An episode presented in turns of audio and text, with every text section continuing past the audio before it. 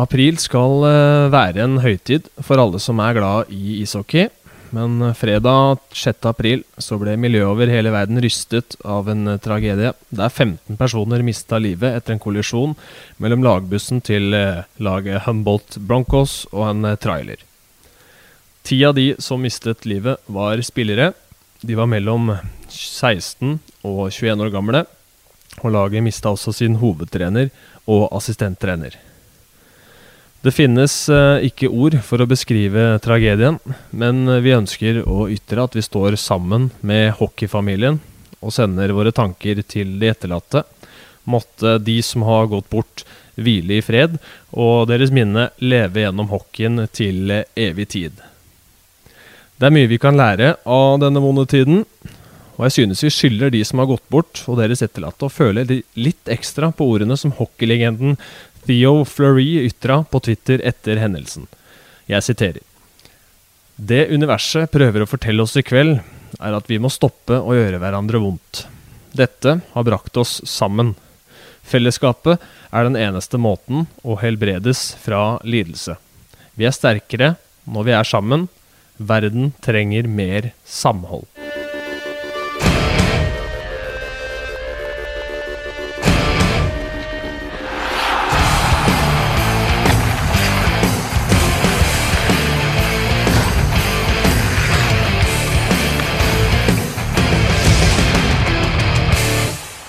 Vi skal over til eh, noe hyggeligere og ønske dagens gjester velkommen. Den ene er om dagen opptatt med å spille NM-finale for eh, Storhamar, men det er ikke første gang han har vært med i kampen om bøtta. Han debuterte for moderklubben på øverste nivå i Norge i sesongen 99-2000, og er inne i sin 19. sesong med Storhamar. Tidligere i sluttspillet rundet han kamp nummer 900 for klubben, han har allerede tre NM-gull i bagasjen, og er samtidig en av få i Gateligaen som faktisk kan påstå å være virkelig god med en børse. Han er eh, nemlig en lidenskapelig jeger, og det er ingen tvil om at han i lang tid har gitt uttrykket 'hel ved' et ansikt for alle oss som følger norsk ishockey. Jeg snakker selvfølgelig om Eirik Brunkjensberget Skastammen. Velkommen skal du være til eh, Hockeyprat. Jo, takk for det. Um, jeg gikk jo gjennom Mathias Saksrud, altså manageren her uh, i Storhamar, uh, for å få deg med. Uh, han sendte meg et liksom morsomt svar når han spurte um, om du hadde lyst til å være med i podkasten. Kan du fortelle hva du svarte da? jeg lurte først på hva podkast var. For jeg har ikke fått det med meg alt like som i sosiale medier og alt det der. Så han sa det var noe radiogreier, men så det var jeg fikk vite hva podkast var. ja, det er bra. Og før, før episoden her så, så jeg en sånn YouTube-video hvor du var med på sånn ti kjappe. Eh, og på eh, spørsmålet om hva favorittdrikka di var, så svarte du vørterøl. Er det vært noe av uh, hemmeligheten for å klare å holde ut såpass lenge?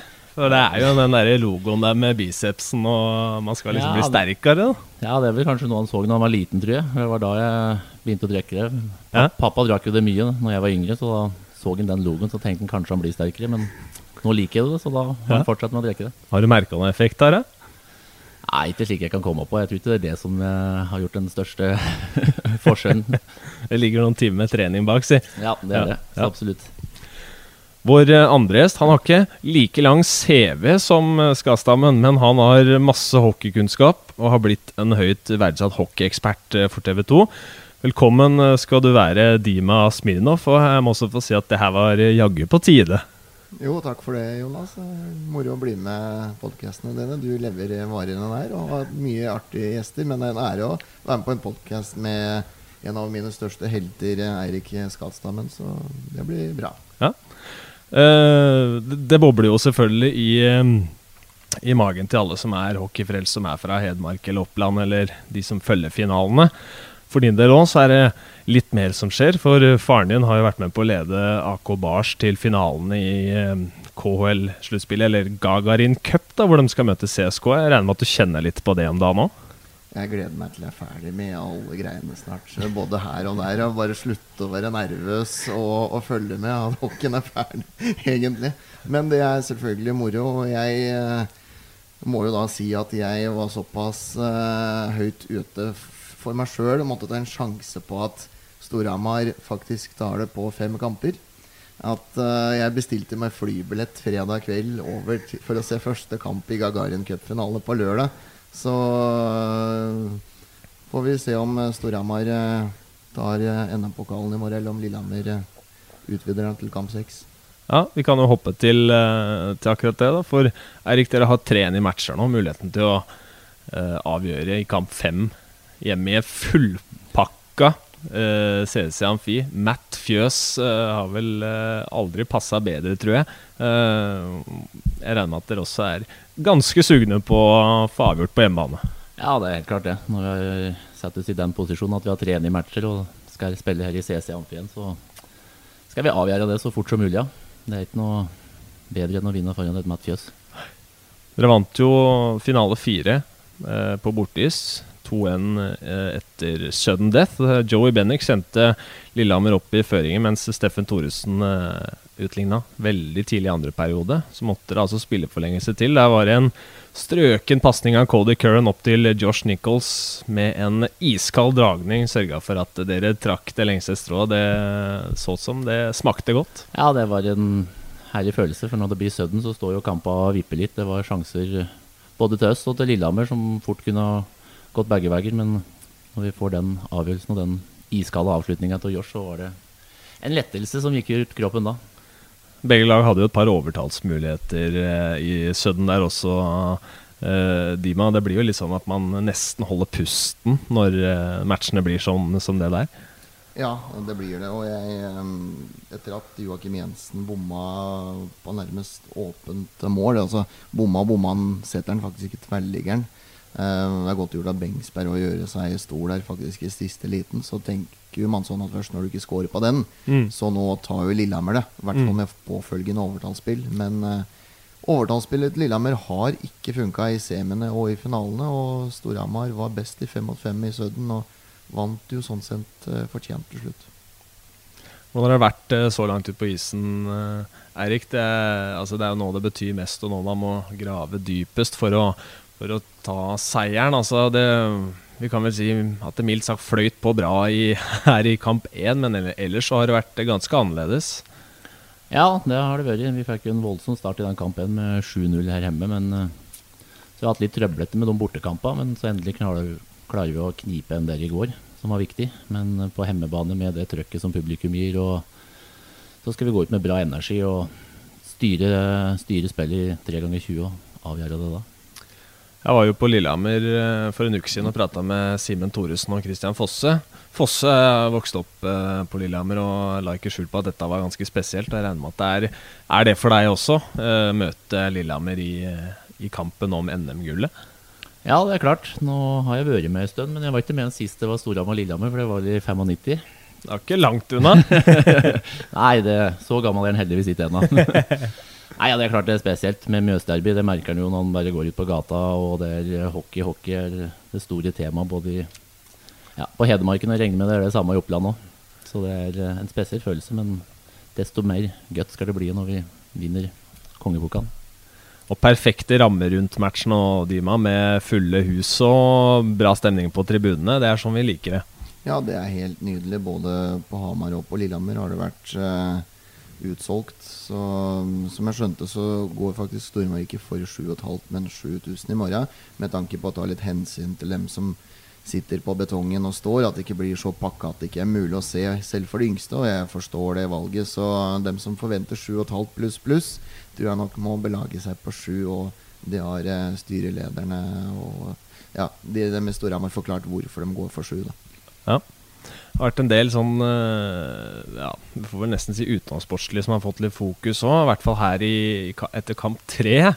var det en eh, låt som ble spilt over anlegget her. Eh, vi kan vel kalle det for Ellis Gate. Der Smokey-hiten med 'Living Next Door to Alice' ble, ble spilt. Og det ble jo dramaskrik rundt det.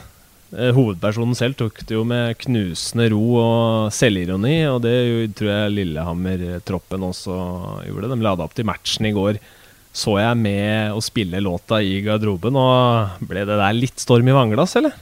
Ja, jeg tror det var nok litt mer hypa opp enn det egentlig, egentlig var. Det er, litt, det er mest humor i det, og Uh, Ellis er en god hockeyspiller, og jeg vet han blir respektert av fansen på, på Hamar. Og han sjøl tar det med et smil om munnen, som du sier. Så det er uh, Jeg tror ikke lagene tenker noe spesielt på det. Men det er klart hvis forbundet ikke ønsker sånt, så må man jo bare ta det til seg. Men jeg syns nå sjøl at man må by litt på seg sjøl. Både den ene og den andre veien. Og sånt hører bare, bare med i gamet, syns jeg.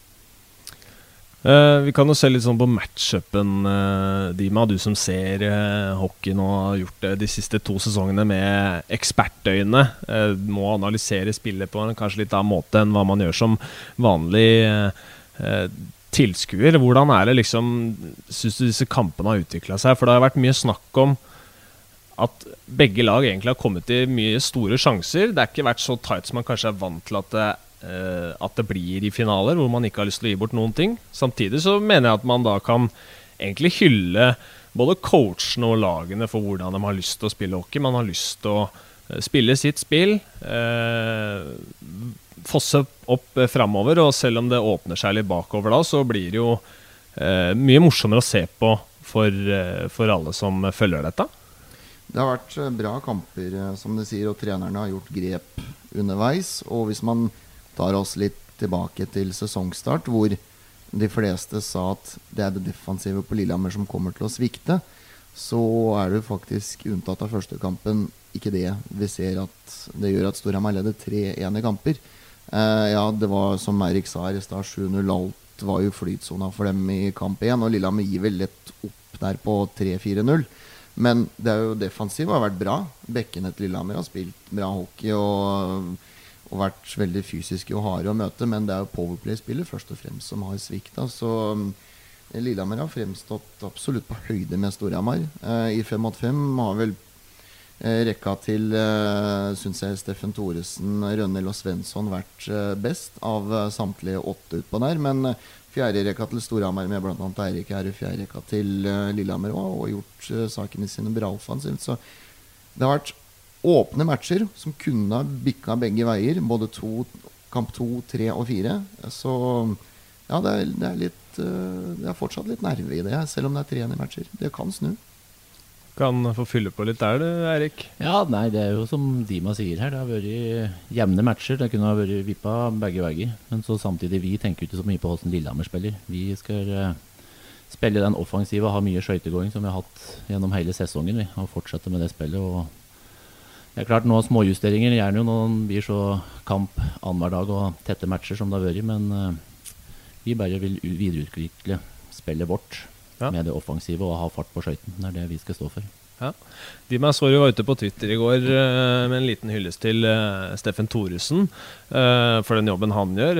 foruten liksom, hvis man ser på poengstatistikken, så skiller jo Berglund og, og Curran seg ganske godt ut. Samtidig så var du tydelig på at Thoresen er en MVP også i, i, din bok. Ingen tvil om det. Du kan si litt om, om den jobben han har gjort i sluttspillet, også i finalene. da ja, og det er som jeg sa i stad, at uh, han og Rønnel er, jo, det er en grunn til at Søderstrøm går ut med den rekka der først, for han vil sette litt standarden. For de går ut alltid med et par taklinger der, og kanskje til og med en farlig sjanse allerede i første bytt, for de spiller med så mye energi, og de er så sterke fysisk, med en smart, god senter i Svensson bak seg.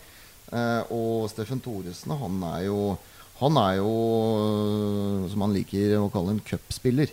Han er playoff-mann og vet akkurat hva som kreves. Han tar den ekstra duellen. Han setter kølla akkurat på så pucken går over blå. Han eh, rekker å touche den så det ikke blir icing på en langpasning. Holder litt på pucken ekstra så gutta får bytta når han drar med seg inn i det offensive spillet. Det er sånne ting man legger merke til som Steffen gjør så utmerket på sin måte. Pluss at han er eh, ja, han er eh, knallhard å møte i duellet. Han er så sterk. Eh, og både mentalt og fysisk, så han er viktig. Og så poeng, ja, så har han jo faktisk nesten et poeng i snitt sjøl. Står med ni pluss tre i sluttspillet, så Steffen er, eh, er absolutt en nøkkelspiller. Ja, man har snakka om hele sesongen hvor mange strenger dere har å spille på, Eirik. Og I starten av sesongen så var det jo noen av lagene som bytta litt på hvem som lå øverst i Gateliga, men da dere først fikk ordentlig fyr eh, og dreisen på det, kan man vel si, så så dere dere aldri tilbake. Når dere først eh, dro ifra, så, så var dere også ganske overlegne til slutt. Eh, hva er det som gjør det laget her så bra? Nei, det er som du sier, i starten så det er jo alltid nytt i lag og litt lik, så vi må sette ny trener og alt det for å sette spillet vårt og få det til å funke. Så i starten så ble det litt mye svingninger, både opp og ned. Men så har vi hatt en brei stall. De har gjort en bra jobb med å hente noen spillere vi har gjort, så vi får en bra gruppe. Ikke bare, Vi har som du sier, vi har Steffen Rønhild som er hardtarbeidende, men òg i tillegg kan skåre og gjøre den jobben. Og så har vi jo stjernespillere, med spesielt Cody, den rekka med Larivé Jensen som produserer omtrent hver kamp. Og det å få det der til å fungere som et lag, det er vel det som har gjort at vi har ja, vinner de tette kampene og samtidig ikke går på noe smeller mot de lagene litt lenger ned på tabellen, som har gjort at vi har fikk den luka vi fikk i løpet av sesongen. Ja, og Det du sier med at man skal gjøre det til et lag, det er jo et eh, interessant tema. Fordi det har jo vært veldig mange gode lag i forskjellige klubber opp igjennom. Det er ikke alltid man klarer å få det helt til å stemme. Eh, hvordan er liksom gruppedynamikken og stemninga i garderoben? Jeg ser for meg at eh, i hvert fall under en sånn sesong så har man det gøy når man kommer på trening og skal dra til match. Ja, det er helt klart. Nei, Vi har en kjempegruppe i, i år. Som jeg sier, vi har eh, de stjernespillere, men vi har fortsatt òg de grovarbeidere. og Få det til å funke som et lag, og så samtidig må du godta den rollen du har. og Det er jo trenere flink til. at du får du den rollen. Om du spiller første eller fjerde, om du spiller undertall eller powerplay, så tar du den jobben du får og gjør den 100 Da blir det ikke så mye murring i ganga om at jeg skulle ha spilt der, jeg skulle ha spilt dit og Ja. alt det der. Ja. Det er det som gjør at det har rulla på gjennom hele sesongen. At vi kan bare ta kamp etter kamp etter kamp. og det er Stemning og humøret på garderoben blir bare bedre og bedre. og Da setter vi oss i den posisjonen vi er i dag. Er det noen inne i garderoben deres som er litt sånn ekstra klovnete og finner på noe sprell, eller? Ja, det er vel alltid noen, men jeg syns det er mange som byr på seg sjøl. Ja. Vi har det er, eh, fra de yngre til de eldre som det er ingen sjenerte eller noen som sitter stille i garderoben. De fleste har litt å by på, så det er kanskje det som gjør at vi har en bra garderobekultur. Det er ikke noe stille eller det er alltid en latter i garderoben. Kan jeg også høre hvordan Søderstrøm og Jacobs har vært involvert i det å sy sammen og gjøre det her til et eh, lag da, som fungerer? Ja, det var jo som jeg sa, det starta jo med ny trener og alt lik, og da tok det litt tid før vi fikk sett det systemet og den filosofien de sto for. da. At det skulle være mye offensivt, mye gå på skøyter og være rett i spillet. Få pucka fort fra egen sone og gå på kontringer. Og... Så det tok jo litt tid, men når du har ja, sett rekkene, sett laget og fått den filosofien inn i ryggmargen, alle spillere, så ser vi hvordan det har gått, og det er jo en kjempejobb. Det er jo Søderstrøm kanskje ikke den som skriker høyest, men da har vi Jeff som tar igjen desto bedre. Så de har jo utfilla seg bra på de rollene òg. Ja. Eh, du har jo hatt eh, en del coacher opp gjennom åra. Hvordan er liksom Fredrik eh, som trener? Er han like rolig og sindig hele tida, eller? Nei, ikke hele tida. Han har hatt sine utblåsninger i garderoben, han òg. Han har vel vært på sjukehuset, tror jeg, så for å tatt røntgen av beinet sitt etter han sparka i søppelkasse i Lørenskog. Så det er noe temperament der òg. Så det virker kanskje som en sindig mann, men han kan eksplodere, han òg. Hva er ditt inntrykk av eh, Fredrik eh, Dima? Du har fulgt det laget her nå tett hele sesongen.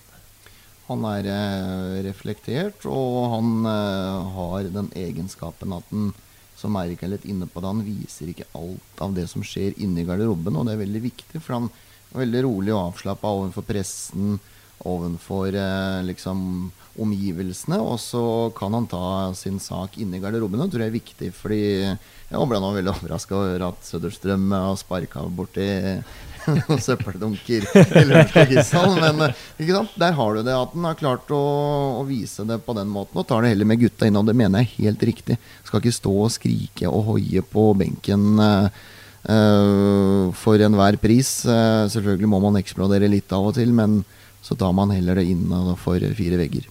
Så han eh, virker veldig trygg på det han gjør, og satt sammen et bra kollektiv ute på isen og innafor. Uh, som jeg sa, Erik, du har hatt mange coacher, men også vært med på mange ulike Storhamar-utgaver. Eh, det skjedde en god del i fjor sommer og gjennom den sesongen her også, men han har bygd et veldig sterkt lag. Klarer du liksom å rangere det laget her eh, opp mot det dere har vært med på tidligere? Nei, Vi har hatt mange bra lag på Storhamar, men uh, det er kanskje den breieste stallen vi har. Vi har mange spillere. Som vi har hatt noen skader, så har vi alltid hatt noen til å ta de plassene. Så det er vel kanskje den breieste stallen jeg har vært med på. Men å rangere hvem stall som er best det, Jeg husker ikke jeg så langt tilbake, men vi har hatt uh, mye bra årganger. både i Spesielt de åra vi har vunnet, har vi hatt bra lag i 2000, 2004, 2008. Men uh, vi ligger nok høyt oppå der med den stallen vi har i, i år, ja. ja. Eh, altså, vi prater mye om, eh, om uh, han, men altså, det er ikke så rart. Cody Curran eh, utmerker seg stadig, eh, som oftest, med positivt eh, fortegn. Han har vært ønska av flere SHL-klubber, og det ser nå at han kommer til å ende opp i Røgle i SHL. Og jeg vil si liksom, det, er moro at SHL kan se til Gateligaen og plukke opp spillere òg, men du kan jo si også litt om hvordan det er å spille på samme lag med han, og hvordan han er som type. Nei, nå ble jo han kaptein nå etter at Patrick dro over til uh, Russland. Og han er jo en suveren type utafor isen òg. Han uh, tar vare på de yngre på laget, prøver å lære bort det han kan. Og ja, prater med alle og er uh, omgjengelig og tilgjengelig for alle spillere og viser en enorm hockeyforståelse og vil lære bort det han kan. Og på isen så Ja, det, de fleste superlativer har vi vært sagt, men eh, ja. det ser enkelt ut, det han gjør. Men eh, jeg har prøvd å stå på ham på treninga, men han klarer å komme seg unna det òg. Så jeg skjønner ikke helt hvordan han får det til, men eh, det er bare moro å se på. Jeg fyller på. Uh, ja, det er uh, superlativen er brukt, ja. Det er, uh, jeg tror Curran kan fort, når man ser litt tilbake på den finaleserien, og skal det bli spilt ferdig, uansett hvordan det ender, om Lillehammer faktisk snur det, eller om Storhamar tar det til slutt Uh, Curran har vært den store forskjellen egentlig blant de ti lagene i Gateligaen. Han har vært den ekstra X-faktoren. Eh, uten tvil den beste spilleren. Og hvis du ser på spilletiden han har, også, han er oppe i 37, nesten 40 minutter i, i en kamp, og likevel skater både offensivt og defensivt som skulle sett at han hadde masse overskudd. Så det er ikke noen tvil om at han holder et høyere nivå enn Gateligaen. Og at han øh, øh, Han mest sannsynlig blir henta til SHL, eller hvem liga det kommer til å bli. Det er bare positivt for Gateligaen og positivt for han. Det blir veldig interessant å følge med på hvordan han kommer til å gjøre det der. Dere har jo hatt uh, mange bra opplevelser denne sesongen, her, Eirik. Eh, men uh, en av de kanskje største må vel ha vært, uh, hvis vi ser på grunnserien, Hockey Classic i Håkonshall. Får muligheten til å spille der. Mjøsderby med 10 000 mennesker på tribunen. Og jeg, jeg spurte jo både Christian Fosse og Simen Thoresen om det sist også. De sa det var litt vanskelig å ta ordentlig vare på opplevelsen, fordi man liksom er der for å gjøre en jobb.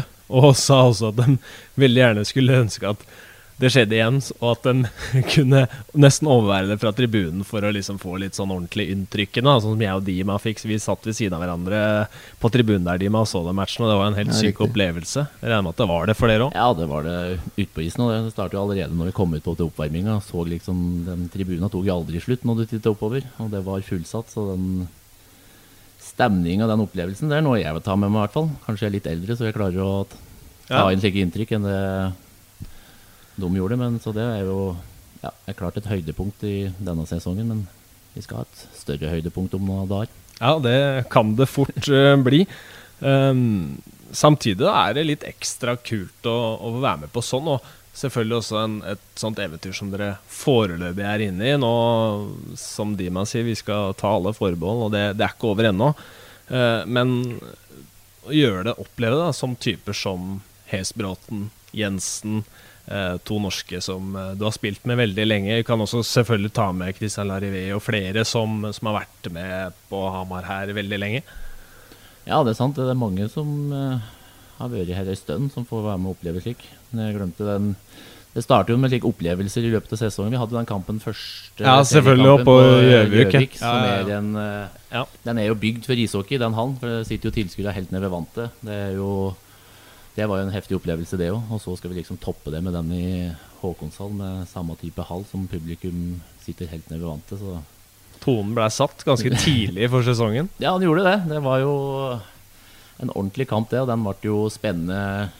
Var det 4-3 vi vant, hvis vi husker eh, Ja. riktig? Så det var jo en spennende kamp som bølga att og fram. Det var jo den på i Håkonshall òg, så da Det gjør jo at publikum blir med, og det skaper mer stemning. Ja. Så det er to opplevelser som man ikke glemmer, nei. Stemningen, og det er jo hockeyfeber her på, på Hedmarken. Det er ingen tvil om, og det, det har jo vært en god stund også.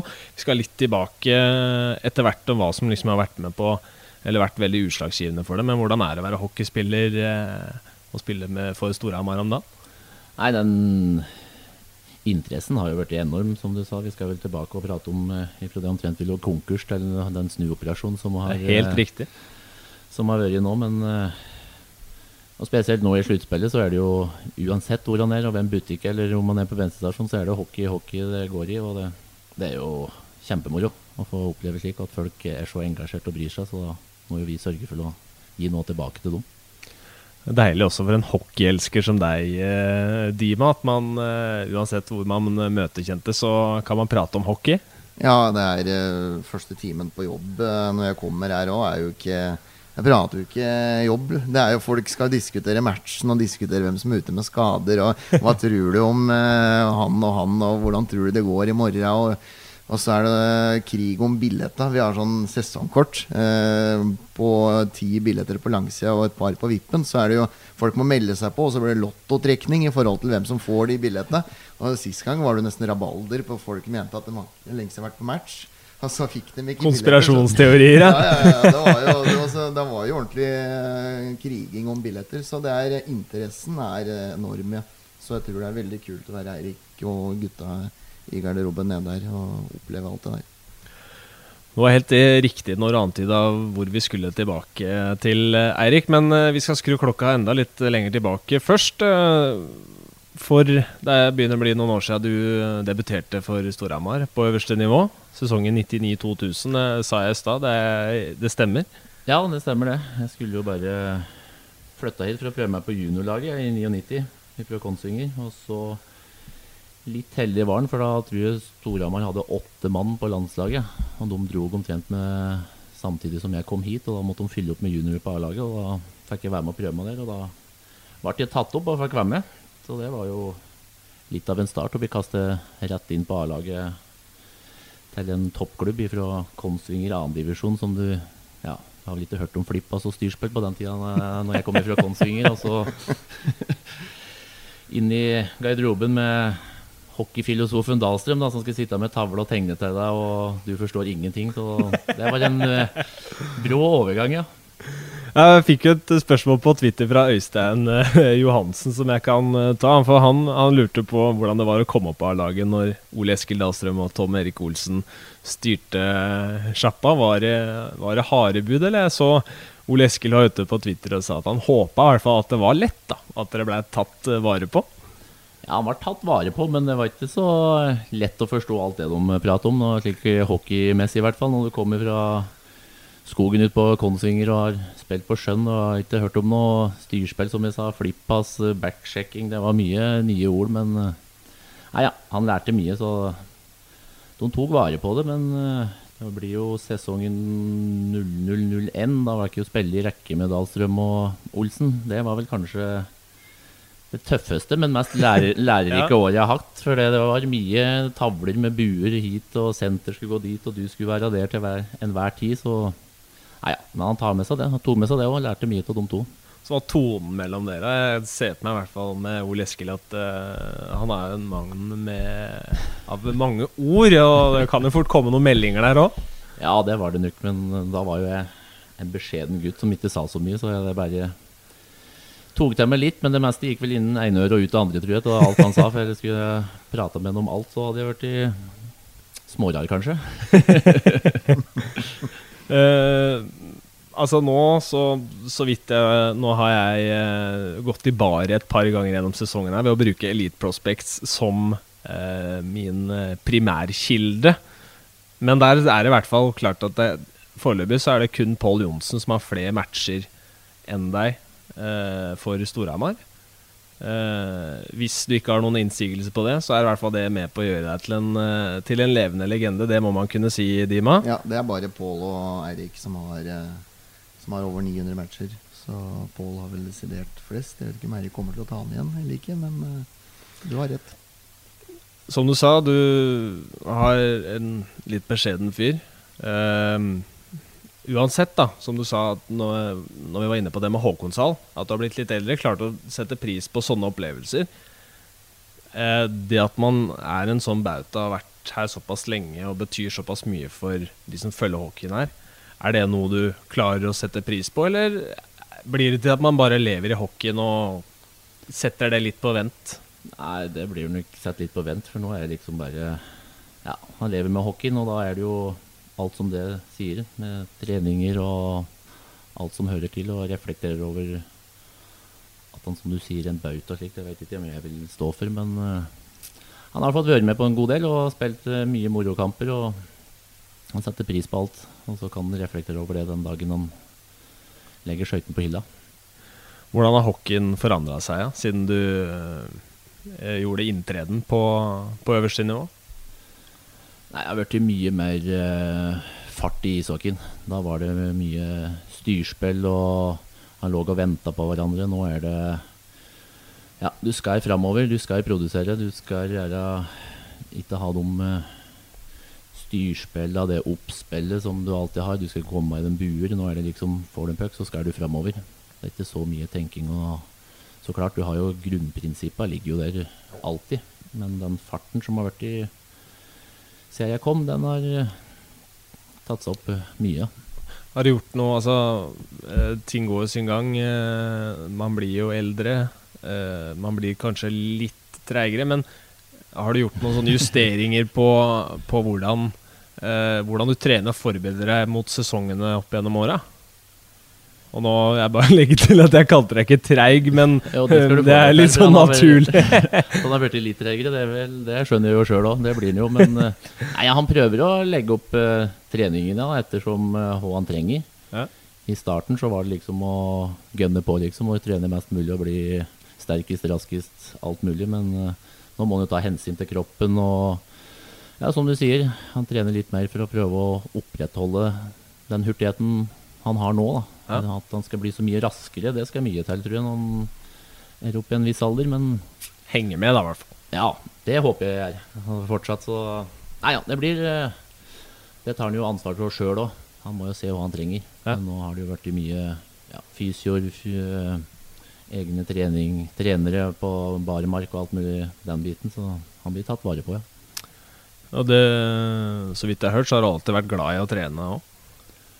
Ja, det han bør være i god form. Det skal ikke være noe unnskyldning at han ikke er i god form, og da må han jo trene. Det er jo ikke noe hemmelighet, det. Og det har jeg jo likt. Det er jo det er ikke så mye å finne på ute på skogen vet du, når du har ei mil til nærmeste kompis, og da må han ta sykkelen eller beina fatt da, for å trene. Og da kanskje han fikk det inn allerede i den uh, unge alderen, at han likte å trene.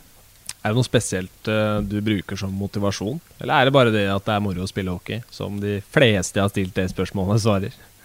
Nei, det er nok det samme svaret. Det er moro. Det er eh, Hver dag er givende. Bare komme ned i garderoben. Den ja, tilbakeholdende stemningen som er der. Vi kan prate om alt mulig, egentlig. Og så ifra ti minutter seinere så har du satt på deg hjelmen, og da er du utpå der og skal gjøre en jobb for å bli bedre. Og ja, det er den hele pakka med hockeyen som er motivasjon. Kan spørre deg da, Dima, hvordan, uh, hvordan liksom er det for et lag å ha en type som Skas i troppen, som, som, alltid møter opp? Han er fit for fight hvert år og, og er jo liksom aldri et usikkerhetsmoment. Det er viktig, og uansett idrett, om det er hockey eller fotball eller om det er uh, håndball eller hva det er for noe, du må jo ha kontinuitetsbærere.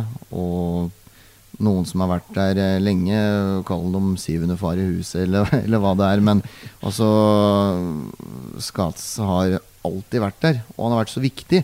Fordi han er på en måte vært definisjonen på hva en ekte klubbspiller er. Hva som, um, hva som skal til for uh, det, det, å være godt trent, det å være uh, Å tilrettelegge seg sjøl for idretten og tilpasse seg.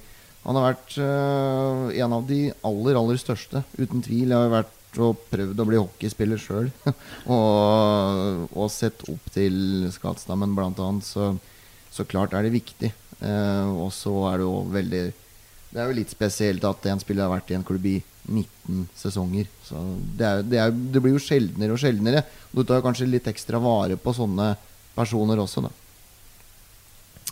Eh, det har jo vært, som vi var inne på, eh, noen opp- eh, og nedturer her også.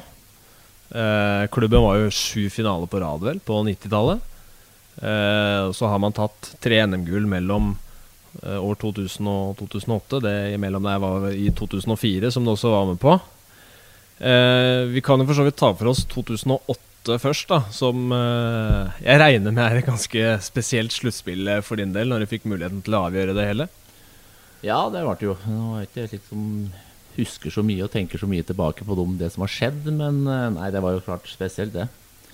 Det fikk jo avgjørende for på hjemmebane her i Sødden mot Frisk. Da var det jo Ja, jeg husker ikke akkurat så mye av det målet og den, det som skjedde etterpå, men det inntrykket og slik han var ute på isen der og så ja, Det sto folk på tribunen og grein, og det var eh, Nei, det var, det var moro, ja. Du føler du lever da?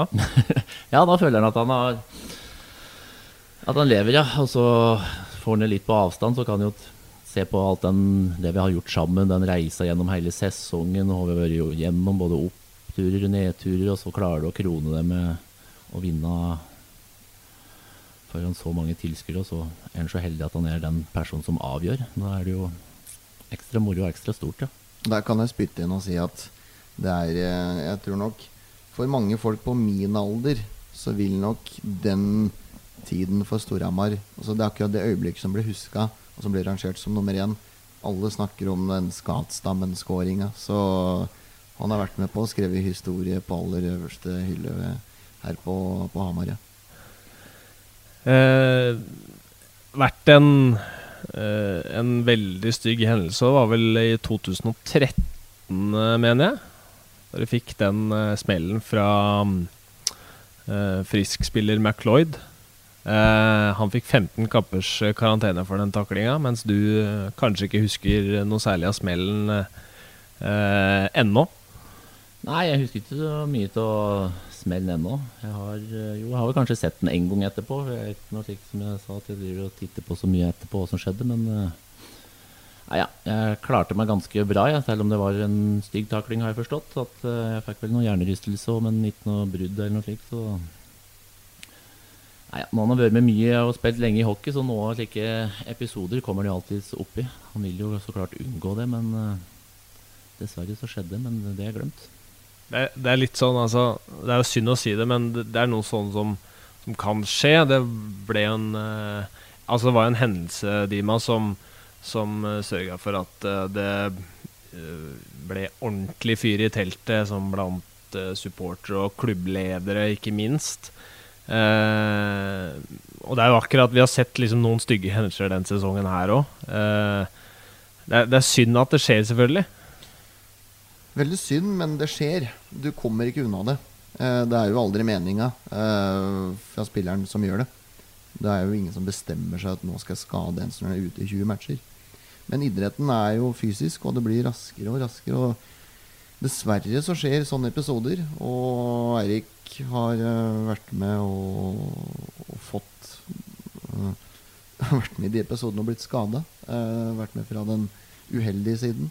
Så um, for å spytte i nå, hadde jo ikke Eirik vært skadeutsatt for de grove skadene han har hatt i karrieren, så hadde han sikkert runda 1000 kamper òg.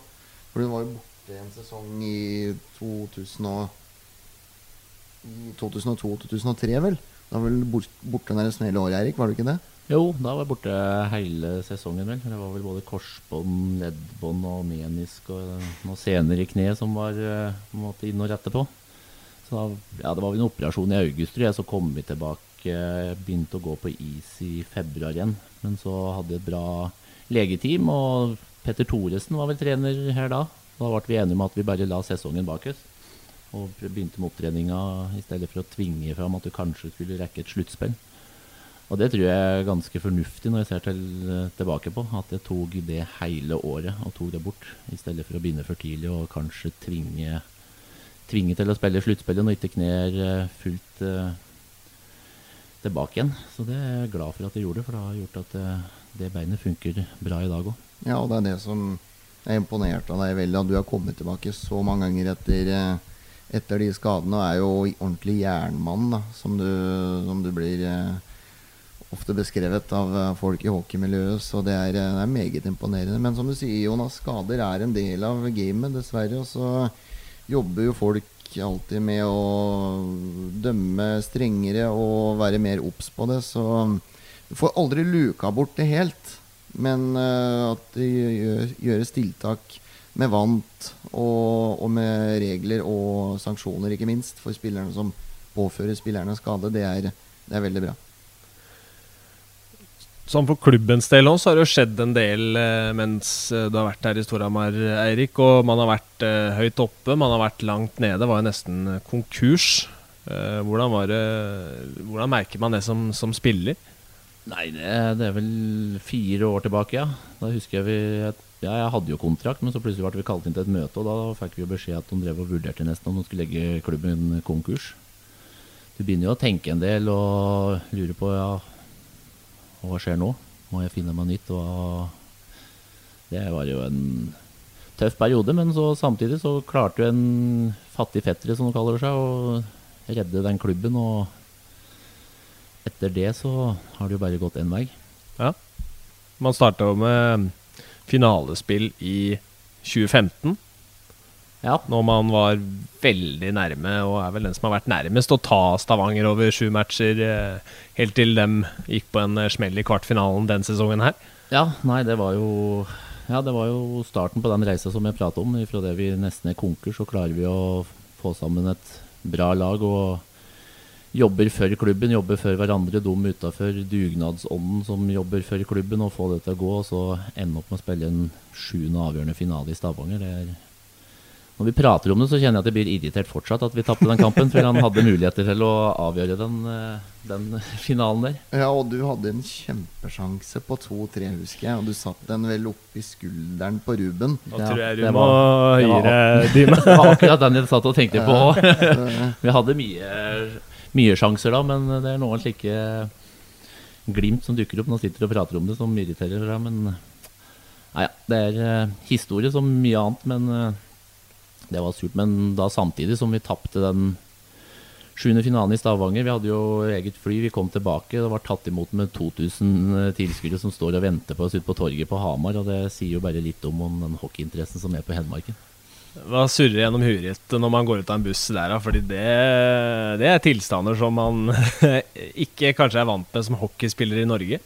Nei, det var eh, helt uh, sjukt og sinnssykt når vi kom dit, ja. Det var liksom, vi hørte at det skulle stå noen tilskuere på torget. Vi skulle stoppe der når vi kom igjen og ta imot, og ta imot dem. Og så når vi kommer dit, så er det fullt torg på Hamar. Det blir jo bare Men sa du 2000? Det må ha vært flere der.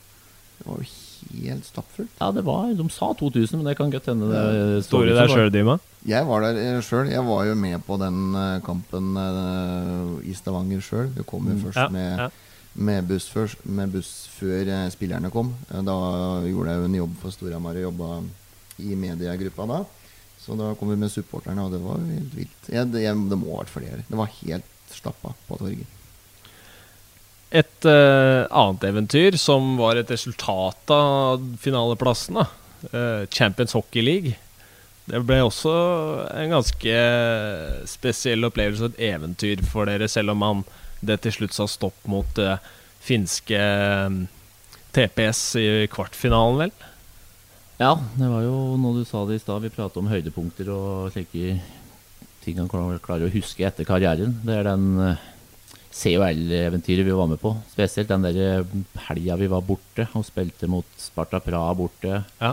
Vi klarte på slutten der å vinne og få 2-1, og så fikk vi beskjed om ja, nå skal vi bort til Genéve. Enda tøffere motstand. Og kommer inn i hallen, det koker litt. og Så klarer vi å vinne den òg. Og akkurat den, de to kampene der og den turen der, det er noe han eh, setter høyt i, i historien på Storhamar. Må tilføye der jeg var jo så heldig og evig takknemlig for det. Jeg fikk lov til å være med på den turen.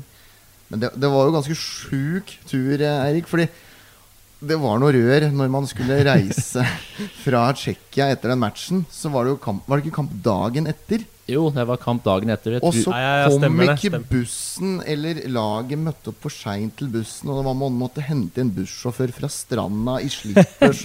og, han tuta av gårde inn mot flyplassen og måtte åpne egen gate for, eh, for hele laget. Så det var liksom ikke noe, det var ikke noe perfekt oppbygning til kamp to i Genéve. Nei, det var litt det. Jeg husker det sjøl, ja. Vi sto liksom, gikk bort til eh, er det O2 Arena i Praha der når vi skulle dra, og så sto vi der og ventet. Ja, bussen, nei, den visste de ikke hvor det var, og bussjåføren prøvde å få tak i, og vi var bare ventende og ventende, så vi måtte ringe til flyselskapet og spørre om de kunne holde igjen fly. Og... Så vi klarte det akkurat. Og så jeg vet når vi kom på hotellet i Genéve da var det liksom 20 minutter der vi skulle møte opp til matchen. Da hadde vi akkurat landa i Genéve og bare ok, det var den dagen. Ja. Nå kommer det til å suse hardt rundt øra på oss når vi går ut på isen, og så klarer vi å finne et eller annet motivasjon og går ut på å jobbe som vi gjorde da. En seier der, det Ja, det var, det var noen varianter der. Det var jo sånn at eh, det var jo noen supportere som hadde, klart å, hadde bestilt seg egne turer, som hadde klart å komme til Genéve før laget skulle være der. Det var veldig spesielt. Det var helt uh, vilt. eh, det kommer nok aldri til å glemme det, nei. Gjorde det seg ikke bort heller mot uh, TPS? Nei, det var jo Vi startet jo borte. Vi leda vel 3-0 etter første perioden. Ja, det var jo helt sjukt. Vi satt der i garderoben og tenkte hva skjer? så klarte de å snu det, da. Men eh, den hemmekampen òg. Vi har 1-1 der lenge, og vi har skaper mye sjanser. og Så ender opp vi tar ut keeperen, og de skårer. Men eh, det var surt, egentlig. Når vi møter så bra motstand, så skal vi egentlig ikke ha mulighet. Men det viser at eh, med et bra lag, og du gjør det, alle gjør det som vi er blitt enige om, så kan hvem som helst slå hvem. Eh, Det er jo litt sånn forskjellig hvordan folk eh, egentlig ser på sånne ting. Om man, eh, om man er fornøyd med egen innsats og slår seg litt på, på brøstet for det man har prestert, eller om man er egentlig ordentlig forbanna for hvor nære man faktisk var enda en sånn skalp. Da. Hvordan er det der for deg, egentlig? Nei, det er klart han er forbanna, ja. Det, det legger du ikke noe skjul på. Når du går ut på uansett hvem som er motstander, så går du ut for å vinne. Hvis du ikke er det, så får du finne på noe annet, vil jeg si nesten.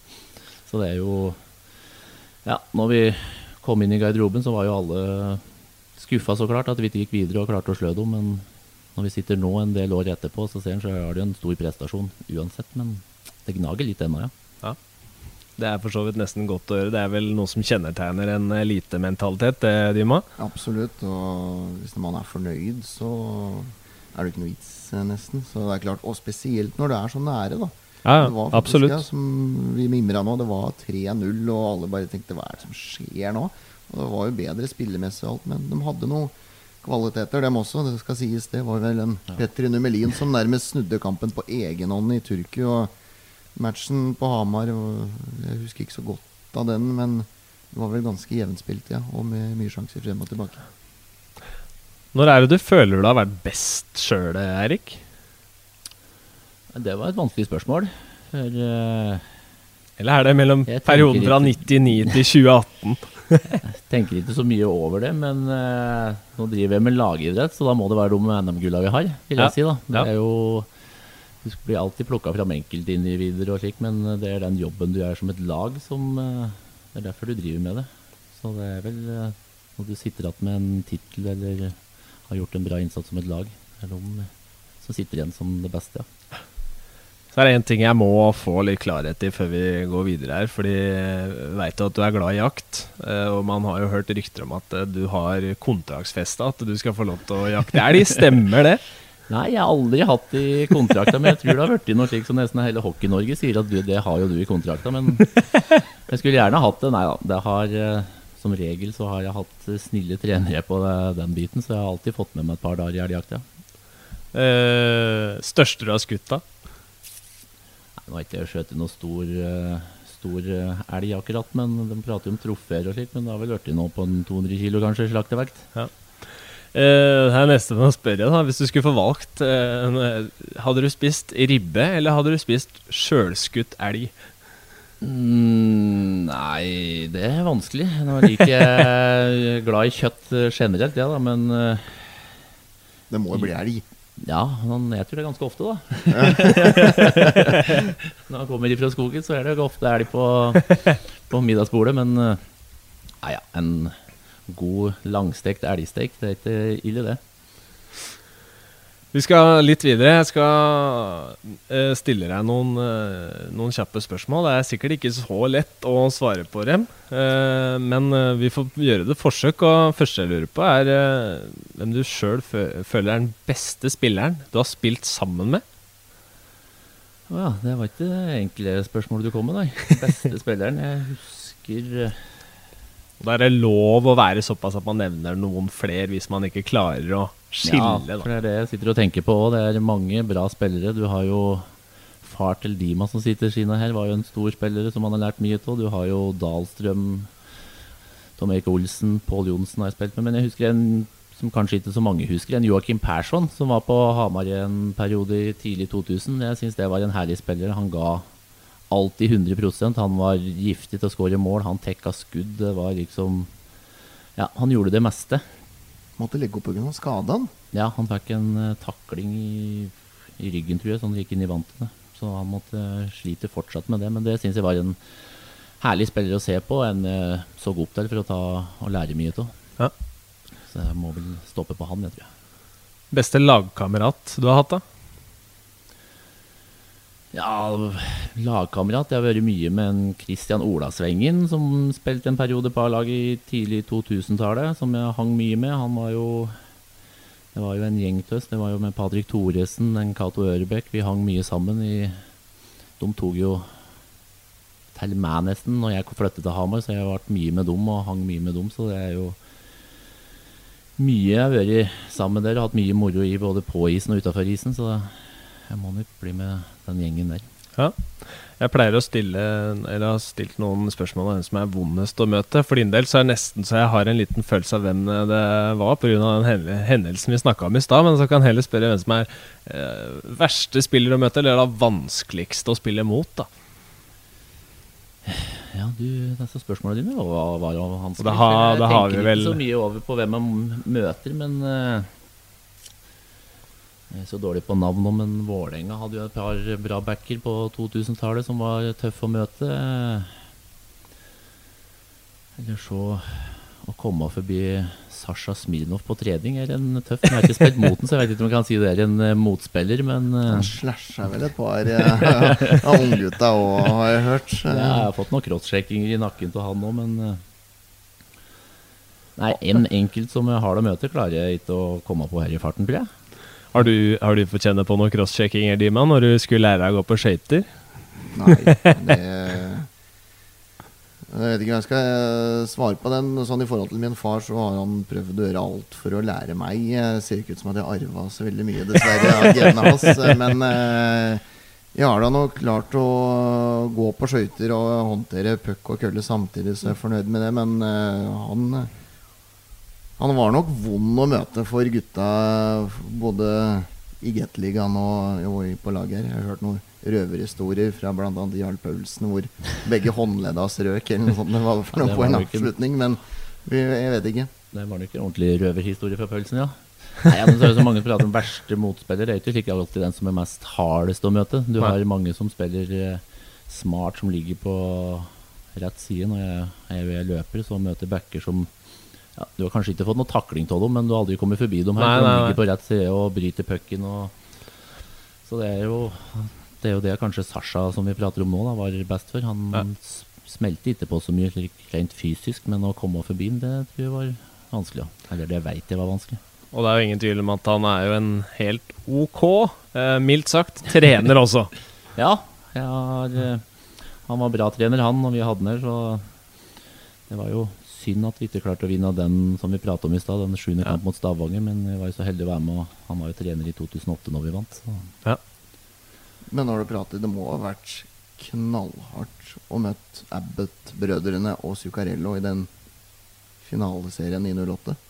Ja, det var jo Det var jo den, ja, en av de beste rekken som har vært, nesten, kan jeg påstå, i norsk hockey. Så lenge jeg har spilt, i hvert fall den farten og den samspillet de hadde i, i 2008 der, det var, var, ikke så lett å stå i styrspill da når Abbott kom og parspilte seg, og så visste du at på motsatt side hadde du Zuccarello. Hvem skal du ta?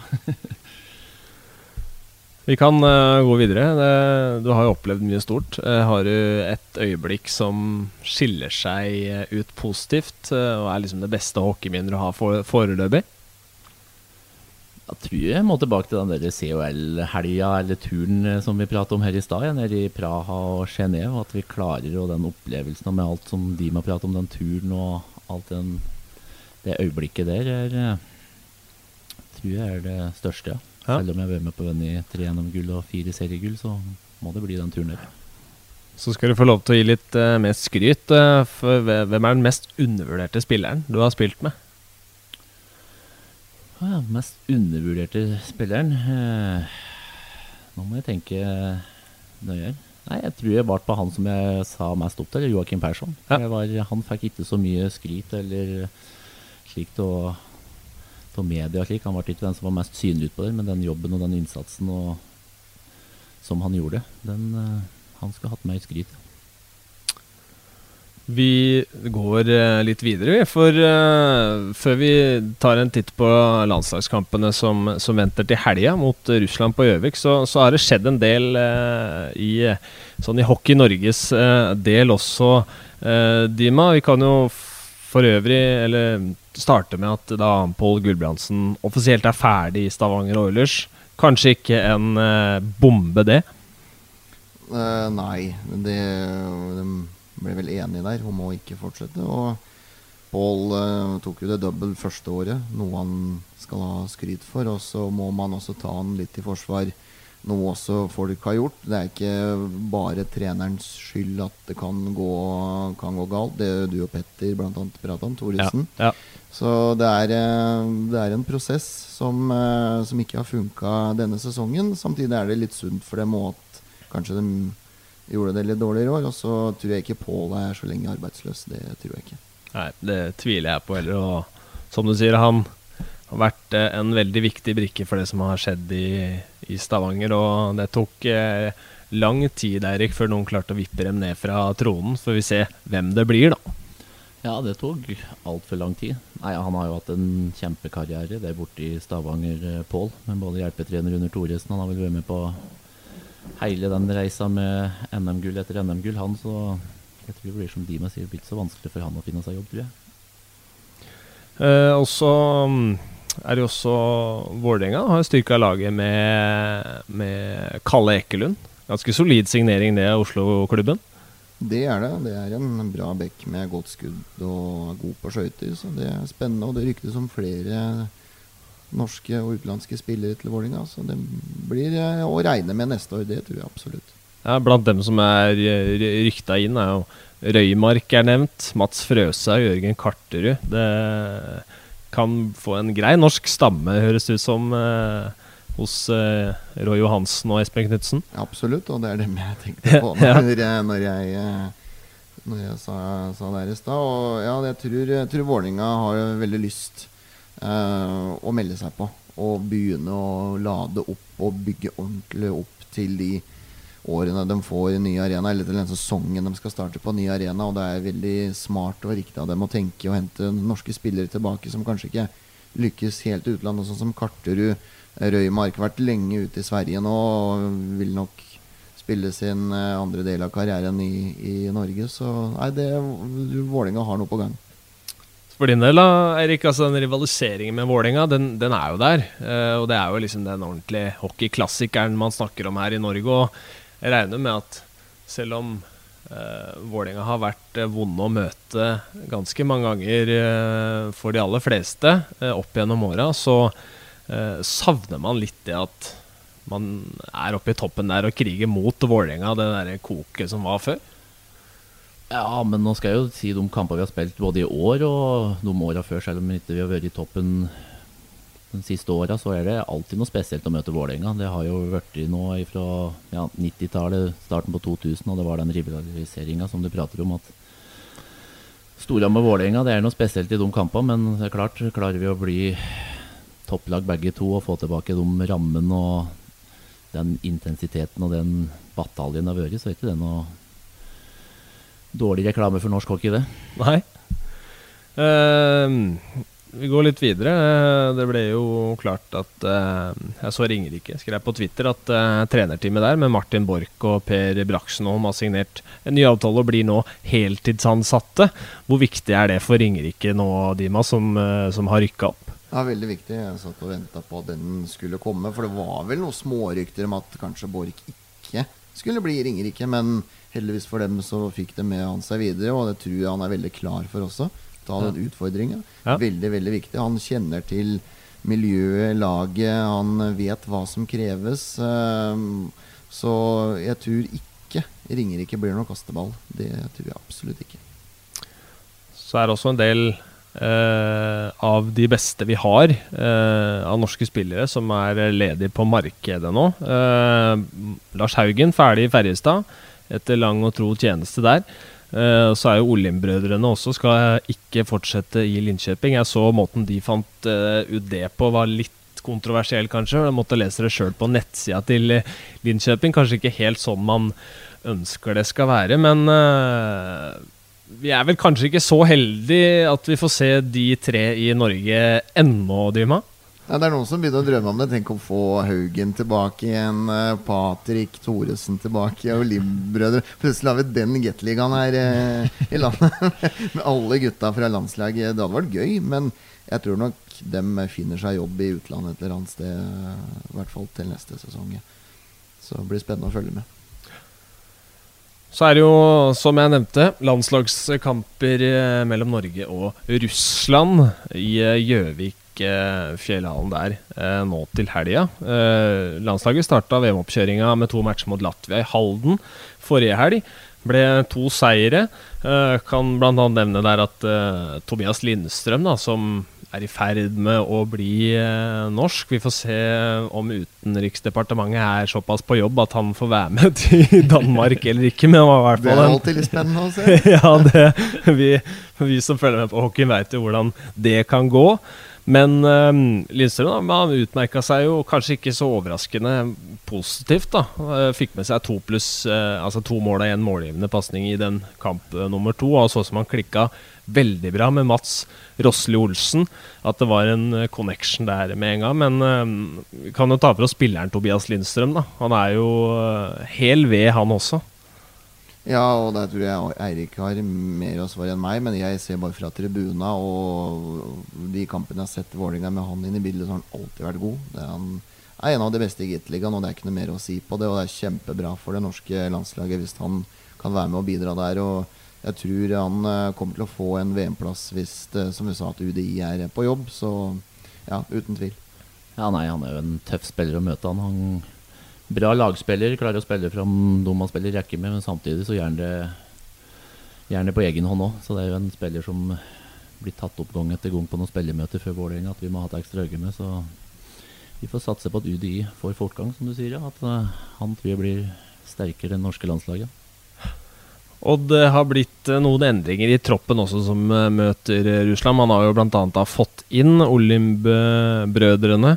Eh, Mikael Haga er med. Absolutt et spennende tilskudd. Får se hvordan eh, ting begynner å gå. Men i hvert fall den VM-troppen som Petter Thoresen skal ha med seg til Danmark, begynner å sette seg. Nå er jo også uh, skal St. Petersburg ut av Gagarin Cup. Patrick Thoresen er tilgjengelig. Veit ikke om han blir med uh, på Gjøvik, men allikevel så, så er det viktig at de får satt troppen og jobba ordentlig opp mot VM fra nå, Dima. Ja, ja, og det er det alle landslagene gjør. Eh, Skal du være på topp i et VM, hvor du har veldig lite tid til å sette sammen laget og prikke formen, så er det viktig med en lang oppkjøring. Selv om ikke troppen alltid ser ut sånn som det starter med en camp innenfor eh, VM, så er det viktig å få den prosessen inn og få gutta inn. Og for Petter ikke minst da, til å begynne å forme hvordan det her kommer til å se ut. Og så får man inn utskiftningen etter hvert med påfyll fra folk som rykker ut av sluttspillet. Så um, det er veldig bra at uh, Norge og norsk, uh, det norske landslaget har tatt det steget til å utvide de oppkjøringene til å bli lenger og lenger. For det er uh, en av faktorene til å lykkes. Ja, det er jo det som er viktig, at eh, de spillerne kommer så fort som mulig de ryker ut. For eh, skal vi ha sjans til å nå kvartfinale, og kanskje enda høyere så er det viktig at vi får samkjørt. Spesielt powerplay blir jo viktig for Norge i et eh, VM. At vi klarer å produsere når vi er en mann mer på isen. Det, å få inn spillere tidlig da, så de kan terpe på det, er jo det beste. Litt så vridd for landslagstreneren, som eh, på, på, en måte må håpe at spillere eh, er med langt i sluttspillet og er på de beste lagene, fordi det betyr at vi har gode spillere på landslaget, samtidig som han vil ha dem inn i oppkjøringa så tidlig som mulig.